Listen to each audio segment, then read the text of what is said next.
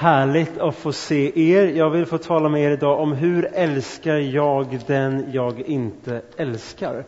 Hur älskar jag den jag inte älskar? Och eh, jag ser det som ett av de absolut stora hemligheterna med den kristna tron, att få ögonen på detta. Och bakgrunden till det är flera olika saker. För framförallt är det så att får vi inte det, då riskerar vi att antingen förminska de underbara löftena i Bibeln om att älska sin nästa, den som sitter bredvid dig, eller älska Gud. Jesus sa, jag älskar din nästa som dig själv. Älska sig själv kan vara nog svårt ibland. Eller eh, älska Gud av hela ditt hjärta, av hela din själ och av hela ditt förstånd. Att få, få, få, få blicken på hur man kan älska den man inte älskar är nyckeln till att kunna läsa alla de här bibelorden med glädje och förväntan.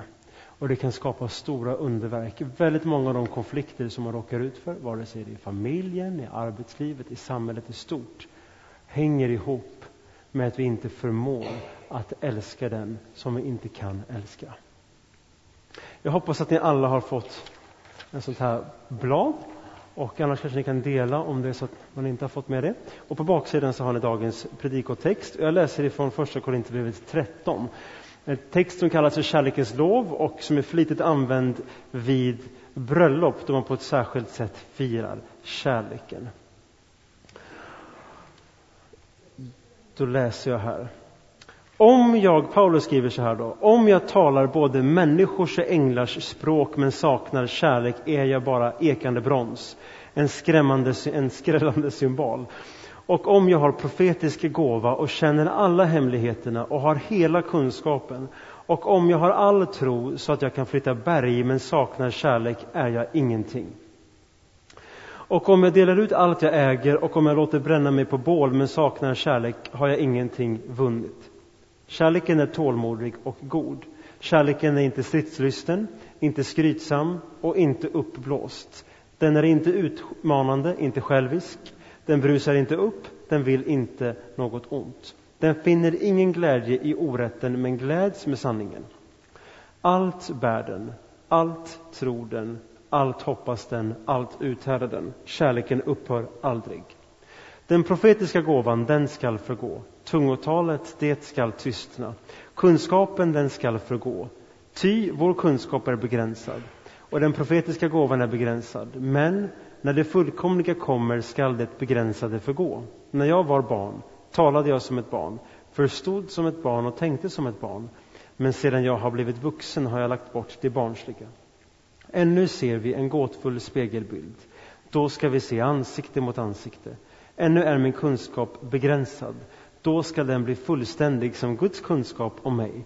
Men nu består tro, hopp och kärlek, dessa tre, och störst av dem är kärleken. Vi kan stanna där, sen kan vi ta den andra texten lite senare.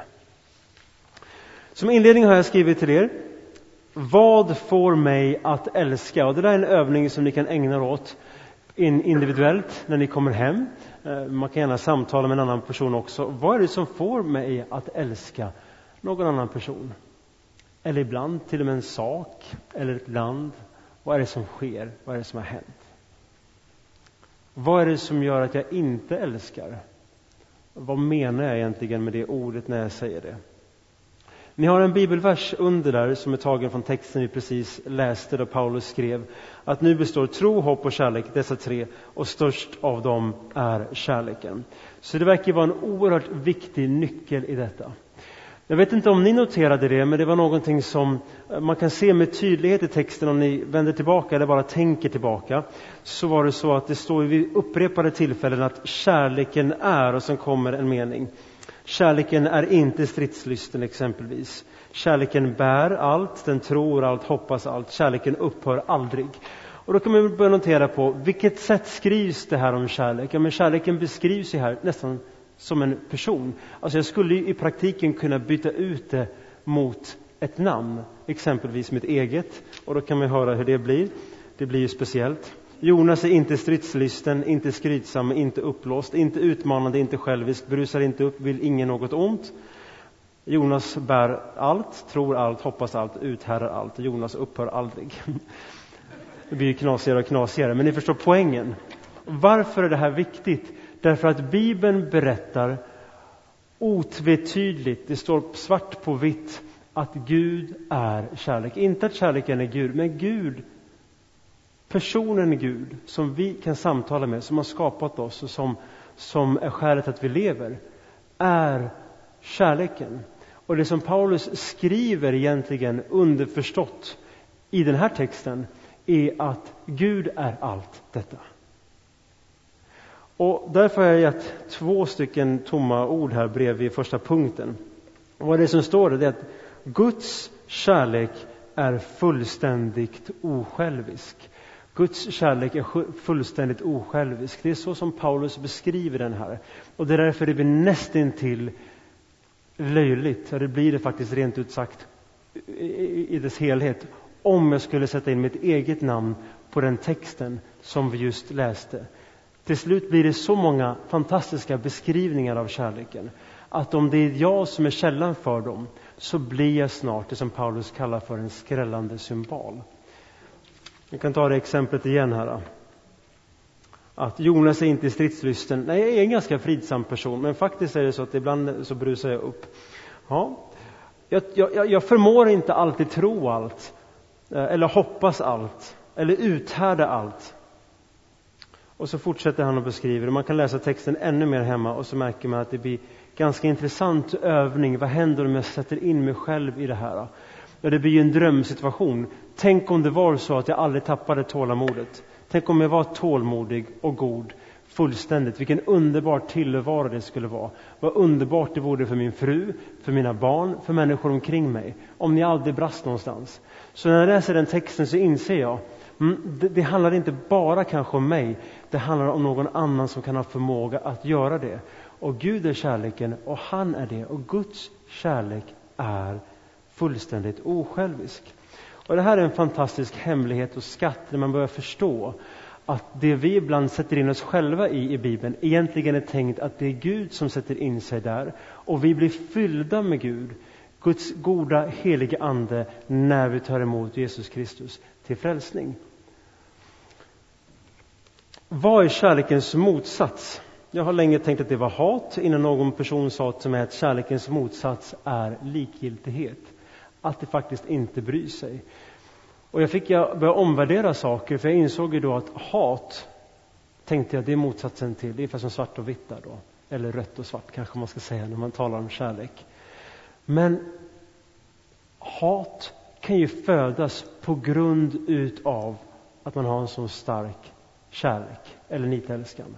Jag älskar den här kvinnan. Någon har skadat henne, därför hatar jag honom. Exempelvis.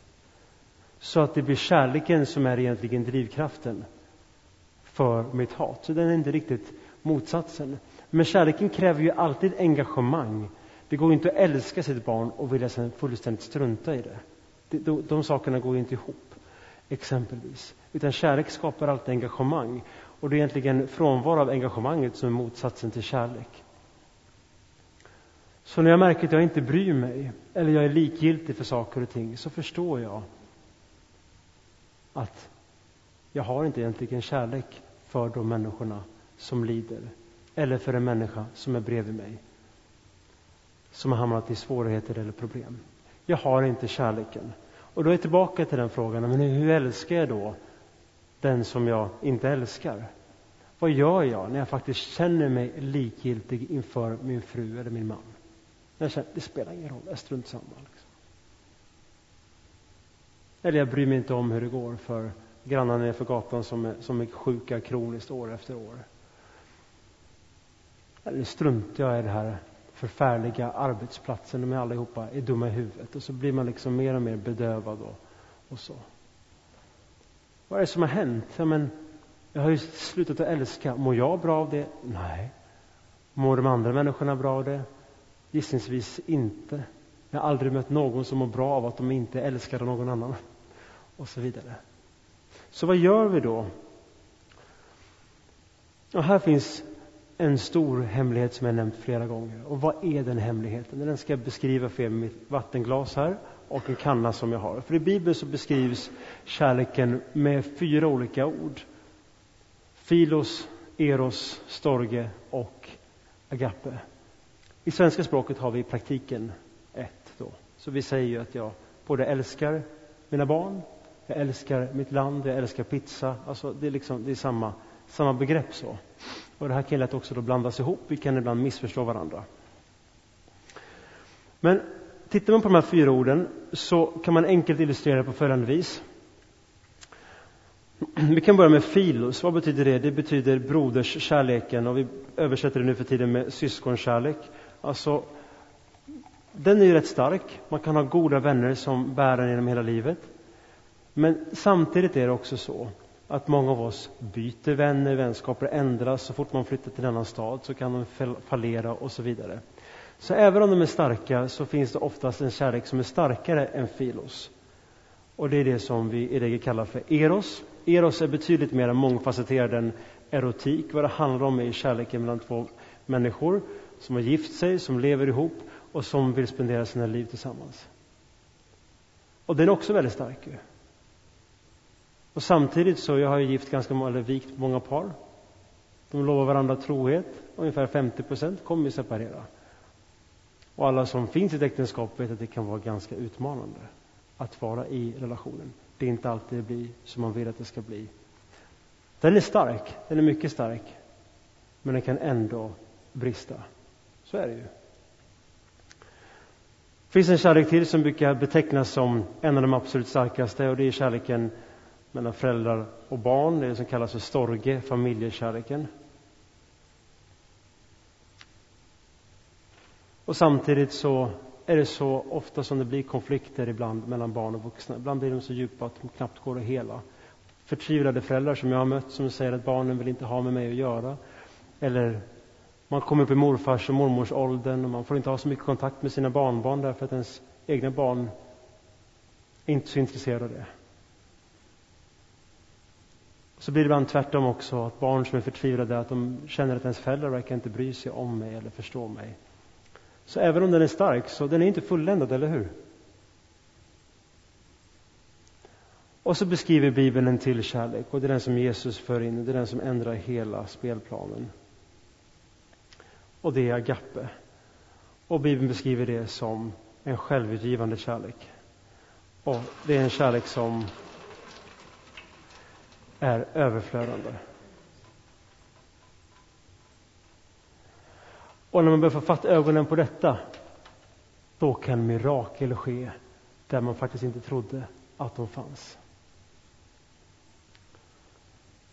Vad innebär detta? Ni har ett bibelord som jag har lagt i rött här i sugen av kärlekens och påskens tid, eller fastans tid. Där står det att så älskade, och så skrivit agappade, för det är ungefär det ordet som används i grekiskan, så ni ska förstå här. Gud världen, att han utgav sin enda son.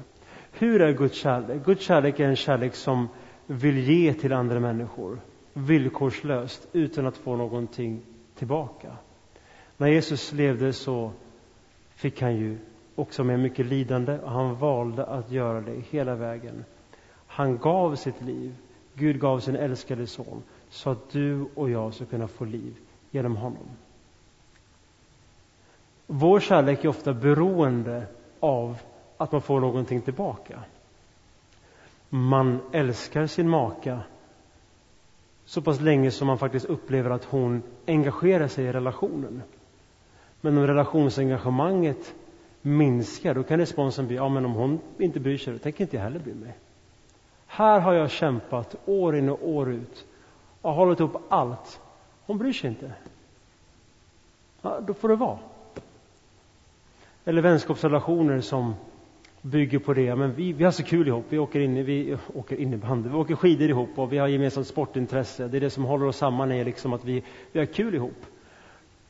Av någon anledning då någonting händer, den andra personen kan inte gensvara lika länge på relationen. Ja, då så börjar den fallera och den bryts sönder steg för steg för steg. Då.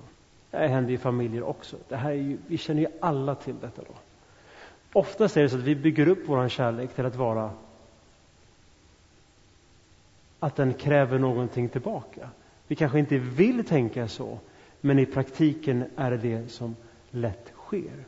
Men när Jesus kommer in i våra liv, när vi tar emot honom, så börjar han fylla oss. Jesus han sa, kom till mig, alla ni som har bördor och jag ska ge er vila. Men han sa också, kom till mig och drick. Och det berättas att han syftar på den helige Ande. Så ska jag ge er vatten så att ni aldrig blir törstiga igen. Jag ska ge er strömmar av levande vatten som ni såg glaset som hällde och rann över. Vad är det han menar? Jesus han menar att när du låter mig fylla dig så fylls du av mig, av min kärlek som kan bära när din kärlek inte gör det. Hur älskar jag den jag inte älskar? Genom att låta älska genom Guds kärlek. Vad innebär det här? Ja, då behöver vi titta på vad hans kärlek är. Det första är att Guds kärlek är vila. Vi läste ju Paulus skrev att kärleken är tålmodig och god.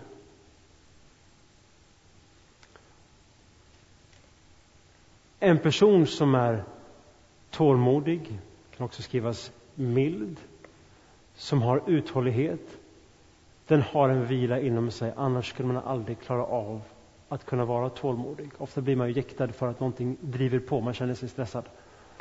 Men den som är tålmodig, den finns i vila.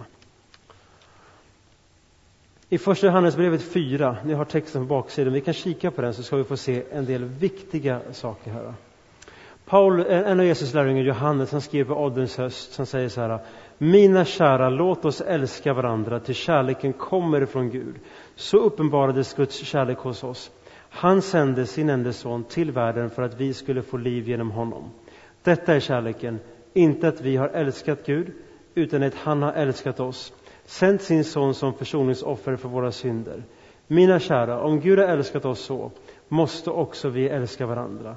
Om någon bekänner att Jesus är Guds son förblir Gud i honom och han i Gud. Och vi har lärt känna den kärlek som Gud har till oss och tror på den. Vi älskar därför att han först älskade oss. Kan ni gå tillbaka till en sida där så ser ni två, ytterligare två tomma ord där. Alltså, vi behöver få fatta att vi älskar därför att han först älskade oss. Vi älskar därför, och det här lilla ordet därför, det är helt avgörande för att förstå kraften i ett liv tillsammans med den helige Ande. Det är lätt att den kristna etiken så att säga blir lite distanserad ifrån Guds personliga kraft till oss. Så vi behåller orden och lyfter upp dem som en god etik. Det vill säga, vi ska älska Gud av hela vårt hjärta eller vår nästa som dig själv. Det som också kallas för gyllene, gyllene, gyllene regeln, gör mot andra som du vill att de ska göra mot dig. Och kyrkan har ju en bild av att kan man säga, stå för kärleken och, och eh, vilja representera den och stödja de svaga. Vi behöver komma ihåg att det här skrivs i en kontext att vi älskar därför att han först älskade oss. Varje gång en kyrka tillskrivs så att säga, hyckleri, ni lever inte som ni lär, är det ju för att kyrkan eller kristna har glömt att beskriva att alla människor har samma förmåga. Att bli frälst handlar inte om att vara bättre än någon annan, utan det handlar om att gå till källan till den som kan ge mig förlåtelse, försoning, helande och kärlek. Så vi här inne, per definition, älskar inte mer än någon där ute. Eller någon annan kyrka. Det är inte det som kristen tro handlar om. Kristen tro handlar ju om att jag vet att jag behöver någon annan för jag klarar mig inte själv. Så det är ju kanske mer naturligt att kyrkan är fylld med brustna människor, människor med missbruk, problematik, porrmissbruk, skilsmässor, krossade familjer, människor som börjar förstå, det gick faktiskt inte på egen hand. Jag behöver någon annan. Vi älskar därför att han har först älskat oss. Men hur kommer det sig då att det finns den här bilden av att i kyrkan är det så välpolerat och så vidare? Ja, jag tror generellt sett handlar det om att när Guds kraft kommer in i en församling, hos människor och får höra det, då byggs man upp. Och där det fanns hopplöshet så finns det numera hopp. Där man inte orkade kämpa för ett jobb till igen så fick man kraft att hålla ut. Man kände att jag orkar faktiskt kämpa med myndigheterna en gång till. Jag vågar pröva en gång till för Gud han är på min sida. Och steg för steg så byggs livet upp. Och då blir det ju så period, alltså under, efter en tid då en väckelse slår in i en församlingsgemenskap, att människor som var i brustenhet kommer in i helanden. Familjer som föll i sönder började bli hela och blir sen också i bästa fall helade igen. Och då finns ju de där. Och då kommer in en annan person, någon annan blickar in utifrån. Ja, de verkar ha det så bra. Det är för att det är han som är bra som vi har det bra. Vi älskar därför att han först har älskat oss. Och det här är ju nyckeln till att texten om kärlek är fyllda med kraft och förändring och förväntan och försoning. Det är så lätt vi plockar bort det lilla ordet därför. Vi älskar därför att Gud är kärlek. Är det inte det som är poängen rakt av. Det blir ju väldigt belastande. Jag var nyligen i en sån situation, alldeles nyligen. Jag kände, här saknas det kärlek. Då kan jag välja att tänka, ja men jag är ju um, i Bibeln så att jag ska älska, så nu ska jag älska. Ja, då kan det lätt bli som bilden med Pinocchio som ni ser där. Alltså, han ljuger och tror inte att det märks, men andra märker det. Han lever inte i sanningen och det blir mer och mer pinsamt för honom. Jesus, han är sanningen själv och han vet allt om dig. Och det största du kan få vara med om, det är att låta honom riva ner de här, så att säga, eh, eh, ramarna vi sätter upp när vi inte riktigt vågar leva i sanningen. Och det är det som kallas att bli kristen. Då kapitulerar man och säger Jesus, jag älskar inte den här personen. Jag har inte hopp. Jag älskar inte dig av hela mitt hjärta, om det nu är så. Av hela min själ och mitt förstånd. Men du har lovat att fylla mig med din agape-kärlek. Inte eros, inte storge, inte filos. Med distinktionerna som börjar försvinna och som börjar skapa enorma problem på olika håll där vi nu inte riktigt vet vad som är vad. Vi kan inte ens skilja på den sexuella kärleken, vi kan inte skilja på broderskärlek. Eh, vi kan inte, alltså det blir mer och mer uppförvirrat därför att Guds kärlek blir mer och mer frånvarande. Men när han fyller oss, då helas vi och vi får en större klarhet och blick på det ena efter det andra. Gud, jag behöver din hjälp. Jag vill inte leva i hyckleri. Jag berättar som det är för dig.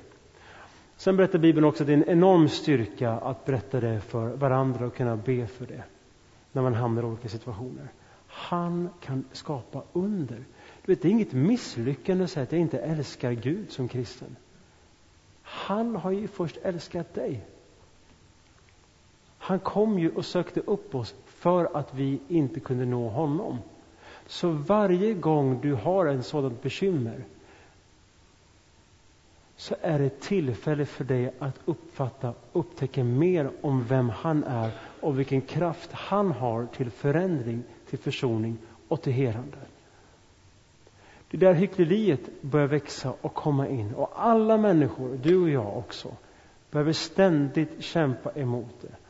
För sen syndafallet så har vi den här brottningen där vi vill dölja alla våra brister och alla våra fel för att vi är osäkra om vi kommer bli accepterade av någon annan. Och Det beror på att grundkällan till Gud är brusten. Och ju mer du förstår, han håller ut, han tappar inte modet med mig, han tror allt när inte jag gör det.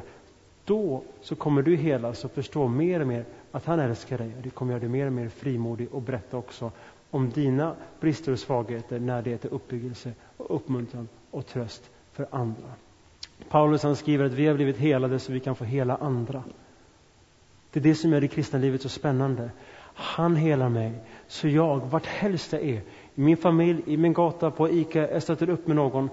Allt mitt helande som han har gjort till mig kan jag få berätta om för andra så att de också börjar längta efter ett överflödande liv i kärlek istället för ett så att säga hycklande liv i kärlek där man borde älska eller nu ska man älska allt.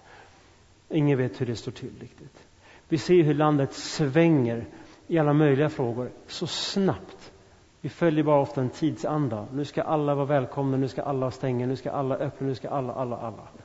Men kärleken är inte en känsla i grunden, det är en person som ger av sitt till någon annan. Och när man upptäcker det här mer och mer som kristen, som människa, Kan du tänka dig vilket helande det blir? Och vilken underbar vän, förälder, make man kan få vara för sin nästa. Därför när det råder, råder, råder brist hos mig, då råder det aldrig brist hos honom. Och tro mig, jag vet vad jag talar om. Den andra punkten som är att det Guds kärlek är utan gräns. Det står ju här att allt bär den, allt tror den, allt hoppas den, allt uthärdar den. Och det här är en beskrivning av Guds kärlek. Det är en beskrivning av hur vi är skapade att leva. Och det här, det här är inte små saker. Jag har skrivit i den första punkten på tvåan att Guds kärlek är utan gräns, så genom, så genom den så kan vi omfamna dem vi inte tycker om. Så att den kan omfatta dem vi inte tycker om. Jag har en bibelhänvisning från Apostlagärningarna 7.60. Det som händer är att det är Stefanus som är den första kristne som blir dödad för sin tro. Han är diakon, han hjälper fattiga som finns i Jerusalem, delar ut kläder och mat och han vittnar också, berättar om Jesus ständigt. Då. Människor omkring judarna de blir upprörda, avskyvärda, tycker de att han är vissa av de här ledarna och försöker hindra honom och stoppa honom. Och de, vid ett tillfälle tar de honom, släpper honom utanför stan och ska stena honom. Och så kan det också vara för oss. De flesta av oss hoppas att vi slipper bli stenade. Men där man faktiskt med goda intentioner finns där för att hjälpa någon annan. Men andra människor håller inte med dig, tycker inte som du, blir arga på dig och faktiskt vill så att säga stena dig eller korsfästa dig eller underminera dig, skada dig, såra dig. Jag vet inte om du har upplevt det, men det är en förfärlig känsla när man faktiskt vill någon annan väl, men blir misskrediterad för det och i praktiken stenad tillbaka eller dödad på grund av det. Det märker jag ju ofta när man är som kristen också. Alltså jag berättar ju om min tro för människor, eller ber för människor, inte på grund av att jag är präst, utan för att jag är kristen. När de tillfällena bjuds. Jag försöker alltid göra det med gott omdöme. Jag vet om att bara min närvaro i vissa sammanhang skapar irritation. Jag vet om att många människor avskyr människor som är religiösa. Men jag vet ju att jag har en god intention. Han har ju förändrat, han har ju påverkat mig. Det här vill jag ge till någon annan. Inte för att de så att säga ska bli arga på mig, men jag vill ju ge för att det är rätt sak att göra. Och ibland hamnar vi i sådana val, att vi gör det som är rätt även fast andra människor inte förstår eller vill se det. Ibland krävs det mod också. Stefanus han hamnar i den här förfärliga situationen då han hamnar inför kan man säga, livets slut på grund av det här. Och så säger han de här orden då när de börjar stena honom, så står det så här. Så stenades Stefanos under det att han bad. Herre Jesus, ta emot min ande. Sen föll han på knä och bad med hög röst. Herre, ställ dem inte till svars för denna synd. Och med de orden så insomnade han. När Guds kärlek får fylla dig så blir din kärlek utan gräns. Så att du till och med kan förlåta och be för dem som attackerar och förföljer dig. Och jag har upplevt det själv. Jag hade en situation med en person jag absolut inte kunde förlåta, som skrämde mig, som skapade oro, som skapade problem. Jag fick magkatarr till följd. Ni kan förstå liksom hur det blir med relationer. Och min mormor hon sa till mig, förlåt honom. Alltså, absolut inte, det går inte, jag kan inte, det är omöjligt. Men Jesus sa, Jesus sa hon, han kan förlåta där du inte kan. Och den kvällen så började trevandes mina första ord jag sa, Jesus, jag kan inte förlåta honom. Han har sårat mig för mycket. Men du kan tydligen göra det. Förlåt honom och mina vägnar. Och ett år senare så märker jag att jag är med och inte bara så att säga accepterar någonting utan kan be och välsigna honom. För det är det vi längtar efter, inte bara om jag accepterar då, att om jag, utan det är att leva i frihet, i kärlek till andra människor. Och det är inte någon lek bara. Det är blodigt allvar och det kan skapa sån enorm förändring. Så att man till och med när man blir dödad eller avrättad eller mobbad eller utsatt kan få välsigna dem som förföljer henne. Det här är en av de stora, stora hemligheterna. Hur då? Därför att jag är fylld med hans överflödande kärlek. Det är hans kärlek som kommer in i mitt liv. Och det är hans kärlek som flödar över. Och det leder mig till den tredje punkten här. Att Guds kärlek förlåter allt. Och ni har en bild på en person som håller i en tång. Jag tycker det är ett bra exempel. Det finns människor ibland i vår närhet som vi inte vill ta i. Vi vill inte komma nära dem. Det räcker att vi ser deras bild eller tycker oss se deras siluett på stan och det hugger till. Ibland kan det vara så, att säga, så enkelt som en oskyldig, olycklig kärlek som gör sig påmind långa år senare. Ibland kan det vara att man har blivit utsatt för någonting förfärligt. Man vill inte ta i det. Och även i samhället har vi vissa sådana kollektiva synder som vi avskyr mer än någonting annat. I regel brukar vi säga pedofili. Så att säga. Om någon håller på med det, då, då, då vill vi helst kasta dem till någon öde ö någonstans. Människor kan fyllas med sådan aggressivitet. Vi vill inte ha med det att göra. Vi vill skambelägga det totalt. Därför vi klarar inte av det. Vår kärlek den har en gräns. Den går fram till och med att någon skadar någon annan exempelvis. Då. Eller den går fram till och med att någon tolererar det som jag tolererar. När de inte gör det, då klarar inte jag av det. Men Guds kärlek är utan gränser, den förlåter allt.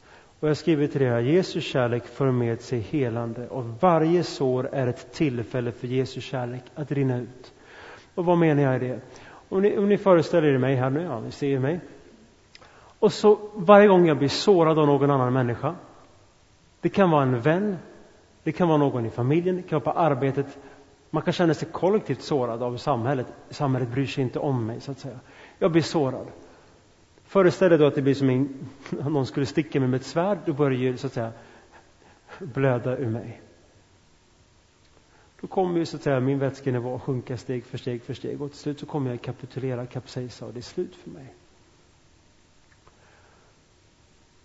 Om jag, när jag lever i den helige Andes gemenskap, kontinuerligt genom hans goda omsorg om mig, låter mig fyllas med hans kärlek, hela tiden, den här överflödande kärleken, då blir varje tillfälle som jag blir sårad och skadad av någon anledning ett tillfälle, som jag skrivit, för Jesu kärlek att rinna ut till den människan.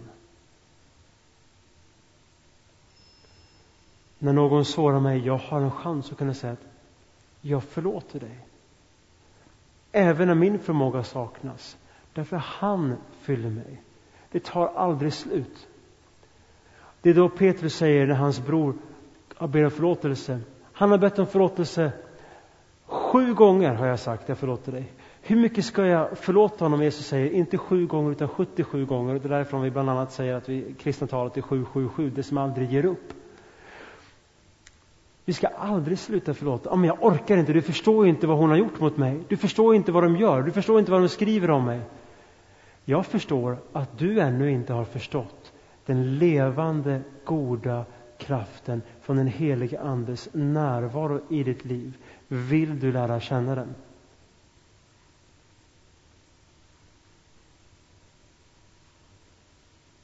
Här finns en nyckel till helande, till uthållighet, till allt tro När man inte hoppas, jag tror inte på mitt äktenskap längre, jag tror inte på det här längre, det går bara inte, vi har försökt allt. Bara du kan svara på den frågan om det verkligen är så. Eller om Jesus kan komma in med försoning där du trodde det var fullständigt omöjligt. Och det här är ingen belastning. Det här är inte svårt på ett sätt. Det handlar om att ta emot något som en gåva. Och det är kanske är det som är svårt. Vad betyder det? Jag behöver gå i tro. Som jag gjorde den gången när jag började be för en person om att förlåta en person som jag absolut inte kunde förlåta. Det var att gå i tro. Jag kände att jag kanske gör bort mig fullständigt här nu. Men det visade sig att det höll. Och Jesus han sa när han hängde på korset, Fader förlåt dem för de vet inte vad de gör. Och Stefanus, en vanlig dödlig som du och jag, fick erfara samma sak genom den helige Andes närvaro i sitt liv. Förlåt dem när de stenar mig. De vet inte vad de gör. Men jag vet vad det är jag gör när jag predikar ditt goda budskap till människor omkring mig. Så hur älskar jag den jag inte älskar? Genom att betrakta Guds kärlek, hur den ser ut, hur han är. Och börja öva mig i att låta dig fyllas med den. Och du behöver inte ge mer än du har. Har du inte kärlek, ge inte den kärleken då. Men längtar efter den, börja förvänta dig av den. Och allt eftersom du fylls upp kan du låta den få gå ut till andra. Det är prestationslös tro. Att man lever i sanningen. Man slipper bli som Pinocchio. Och man får ta emot hans vila. Och det här gör att man kan ta i allting i sitt liv. Även det som man inte vill att någon rör vid. Som hände för 10 år sedan, 20 år sedan. Någon råkade nudda det. Det var det jag inte ville ta i med tång. Det gjorde för ont. Så börjar hans kärlek komma in och börja hela steg för steg. Och han verkar också i vår gemenskap. Det är därför det finns församlingar, smågrupper, själavård, samtal man kan gå i. Så man får hjälp och blick på vad det är som Gud vill göra i ditt liv som du kan få göra för någon annan. Gott. Så vägen till att älska är att vi älskar därför att han först älskade oss. Jag har en bön i slutet som du gärna får stämma in i, som heliga Birgitta, ett, ett helgon skrev för, för många, många hundra år sedan och som många upplever som goda ord i det som vi har talat om idag. Låt oss be. Gör mitt hjärta brinnande av kärlekseld så att allt som är dig emot måtte sopas bort som aska i blåsande storm. I Jesu namn. Amen.